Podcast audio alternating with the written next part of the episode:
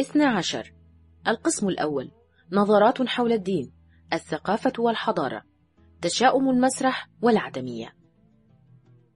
من الأمور ذات الدلالة أن تأتي الفلسفة التشاؤمية من المناطق الغنية المتقدمة. وإليك هذه السلسلة من المتشائمين.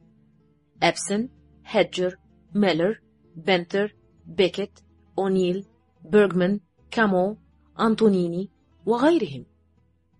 لقد ظل العلماء الذين يتبعون الظواهر الخارجية للأشياء على تفاؤلهم. أما المفكرون وعلى الأخص الفنانون فهم المتشائمون. فإذا نظرنا إلى الأمر نظرة سطحية سيبدو لنا التشاؤم وكأنه ملازم للمناطق التي تم فيها القضاء على الأمية والتي تتمتع بالتأمين الاجتماعي وبدخل فردي عال يبدأ من ألفي دولار فأكثر. كانت الفلسفة الإسكندنافية فلسفة تشاؤمية إلى أبعد حد منذ نهاية القرن التاسع عشر وبداية القرن العشرين. فهي ترى أن المصير الإنساني مصير مأساوي ولا أمل فيه وأن النتيجة النهائية لجميع مساعي الإنسان والوجود الإنساني بأسره ظلام وضياع. إنه لمن السخرية بمكان أن تظهر مثل هذه الفلسفة في بلاد قد تخلصت من الأمية منذ مطلع هذا القرن. بينما كان الجزء الجنوبي في أوروبا يرتع في بلهانية الجهالة. في سنة 1906 كانت نسبة الأمية في بلغاريا وسيبيريا 70% وفي إيطاليا 48% وفي إسبانيا 63% وفي المجر 34% وفي النمسا 39% والأمر يدعو للتساؤل عما إذا كان هناك علاقة بين التأمين الاجتماعي في السويد وهو فيما نعلم أفضل نظام في العالم وبين الشعور باليأس من الحياة وهل مشاعر الاستمتاع المادي تولد شعورا بالتعاسة الروحية؟ تتميز الحضارة بإيقاع بطيء في الحياة الداخلية على عكس النشاط الخارجي للحياة الاقتصادية والسياسية ومسرحية العبث هي الصورة الحقيقية للحياة الإنسانية في أكثر المجتمعات تقدما اليوم الرفاهية هي الصورة البرانية والعبثية هي الصورة الجوانية للحياة. فإذا عبرنا عن هذا الموقف تعبيرا جدليا نقول كلما زادت الرفاهية والرخاء كلما تعاظم الشعور باليأس والخواء. وعلى عكس ذلك يمكن أن تكون المجتمعات البدائية فقيرة تتفاقم فيها الاختلافات الاجتماعية الحادة. ولكن كل ما نعلمه عنها يشير إلى أن حياتها مليئة بمشاعر قوية خصبة. إن الفولكلور وهو أدب المجتمع البدائي يرينا بطريقته الخاصة كيف يمكن أن يبلغ النشاط الحي أقصاه عند الإنسان البدائي؟ إن مشاعر الاستياء والقنوط مجهولة تماما في المجتمع الفقير. ملحوظة.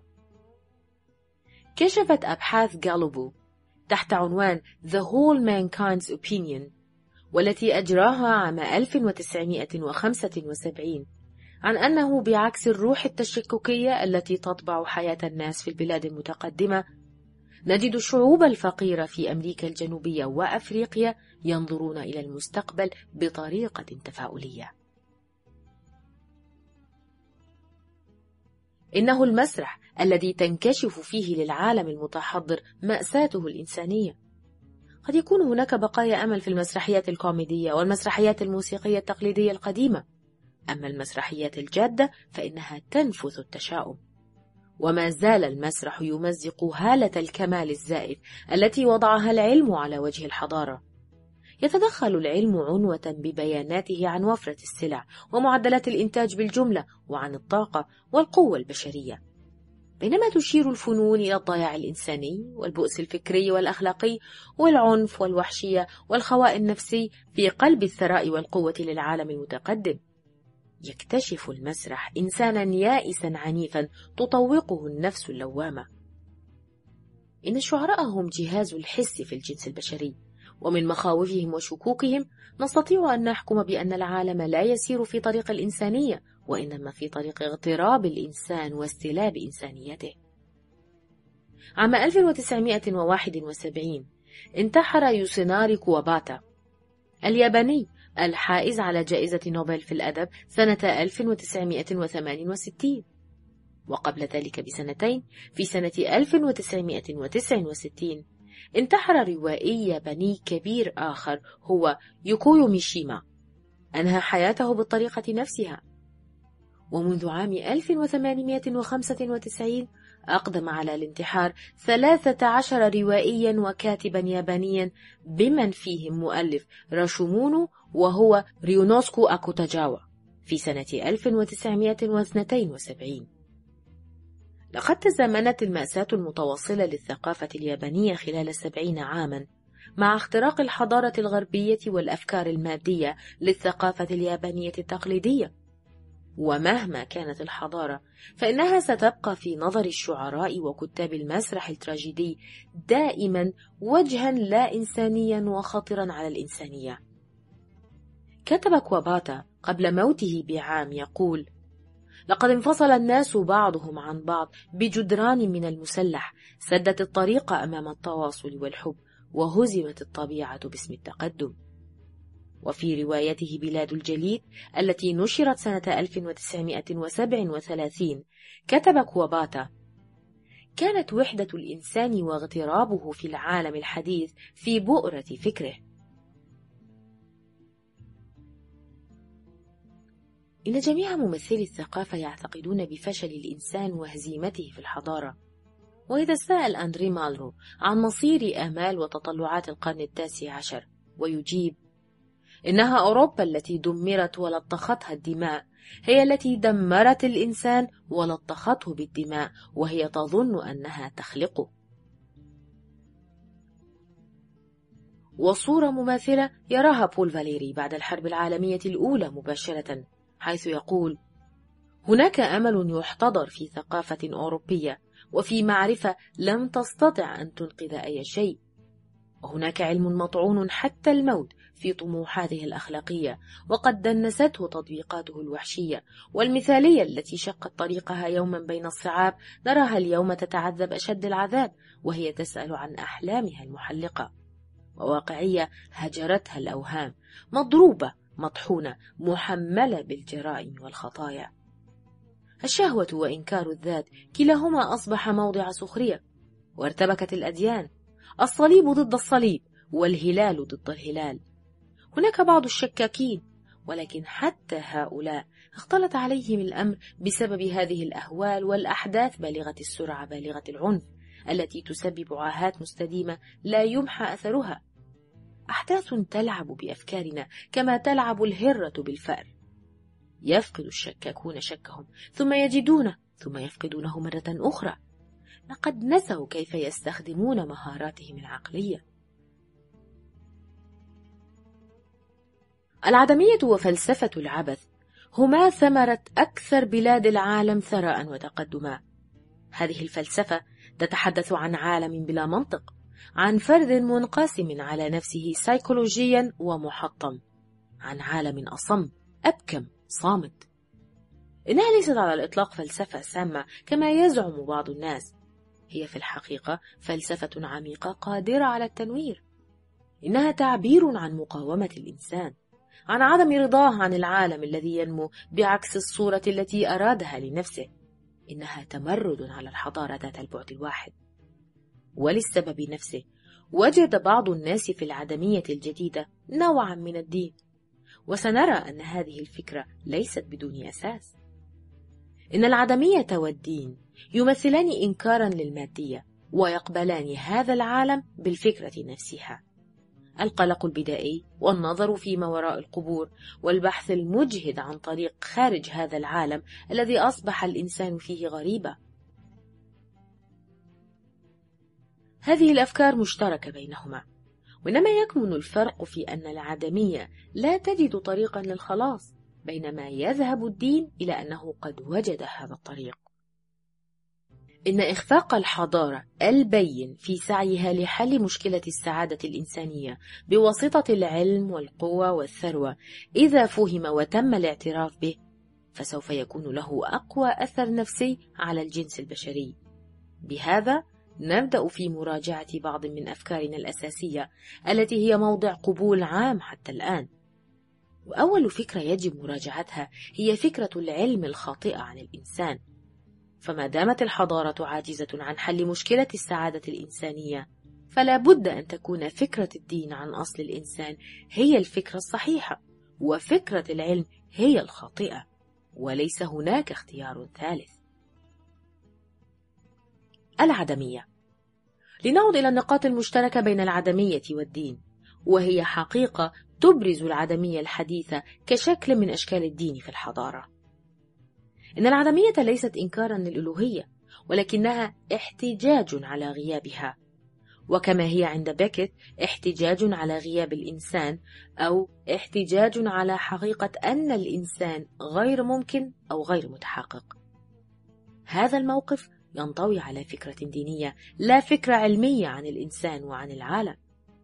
فالإنسان كما يتصوره العلم ممكن ومتحقق. ولكننا نجد في التحليل النهائي أن كل ما تحقق هو شيء لا إنساني. إنها عبارة سارتر الشهيرة التي يصف فيها الإنسان بأنه عاطفة تافهة لا جدوى منها. هي عبارة دينية بمنطقها وبروحها معا. في المادية لا توجد عاطفة أو تفاهة فلا يمكن أن يكون في العلم تفاهة لأنه لا توجد فيه عاطفة. لأن المادية ترفض الغائية في العالم أي أن للعالم غاية عليا فإنها تتخلص بذلك من مخاطر العبثية والتفاهة.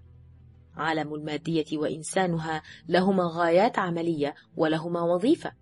لتكن وظيفة حيوانية لا يهم. إن عبارة الإنسان عاطفة لا جدوى منها أو عاطفة تافهة. تتضمن فكرة أن الإنسان والعالم ليس بينهما تناغم أو تطابق.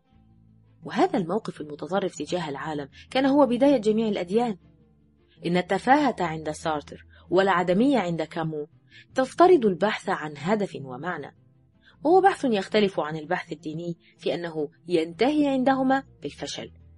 ولكنه يعتبر بحثا دينيا من حيث أنه يعني رفض الهدف الدنيوي للحياة الإنسانية أو رفض الوظيفة الدنيوية. البحث عن الله سبحانه وتعالى بحث ديني ولكن ليس كل بحث ينتهي باكتشاف. فالعدمية خيبة أمل ليس بسبب العالم والنظام وإنما بسبب غياب الخير من العالم. فكل شيء تافه وعدم إذا كان الإنسان يموت إلى الأبد. إن الفلسفة العدمية لا تتحدث مباشرة عن الدين ولكنها تعبر بوضوح عن الاعتقاد بأن الإنسان والعالم ليسا مصنوعين بالمعيار نفسه. إنها تعبر عن القلق والقلق بجميع درجاته فيما عدا نتيجته هو قلق ديني. عند العدمية وعند الدين الإنسان غريب في هذا العالم ففي العدمية هو غريب ضائع بلا أمل وأما في الدين فهناك أمل في الخلاص. إن أفكار ألبير كامو يمكن فهمها فقط إذا اعتبرناه مؤمنا مخيب الرجاء. يقول في عالم خبى فيه الوهم فجأة وانطفأ الضياء يشعر الإنسان بالاغتراب. إنه الطرد الذي لا فكاك منه ولا مهرب. فلا توجد ذكريات عن وطن مفقود ولا أمل في الوصول إلى أرض موعودة. لو أنني شجرة بين الشجر فقد يصبح لهذه الحياة معنى ولعلها تصبح أفضل. لم تكن هذه المشكلة لتنشأ لأني سأكون حينذاك جزءا من هذا العالم الذي أقاومه بكل قوة في ضميري.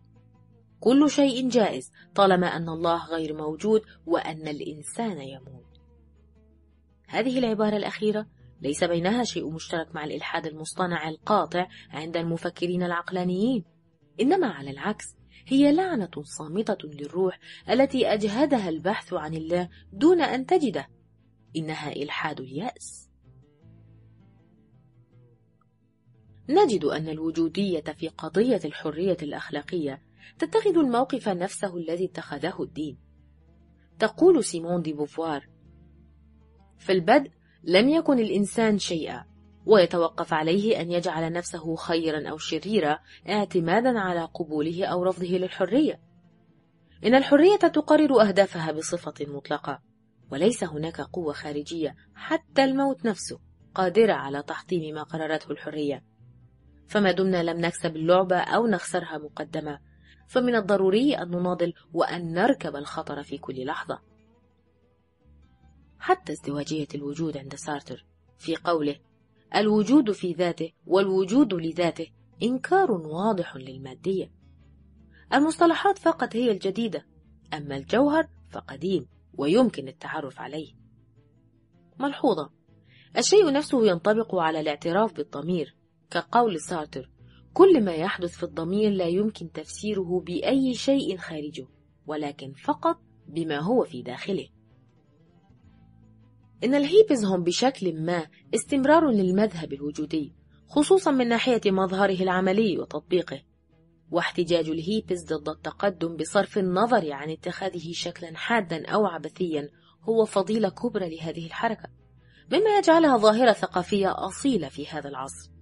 فإنكار التقدم المادي يمكن أن يستند فحسب على فلسفة دينية ولو في مقدماتها الأساسية على الأقل. هذا النقد للحضارة ليس دعوة لرفضها فالحضارة لا يمكن رفضها حتى ولو رغبنا في ذلك. إنما الشيء الوحيد الضروري والممكن هو أن نحطم الأسطورة التي تحيط بها. فإن تحطيم هذه الأسطورة سيؤدي إلى مزيد من أنسنة هذا العالم وهي مهمة تنتمي بطبيعتها إلى الثقافة.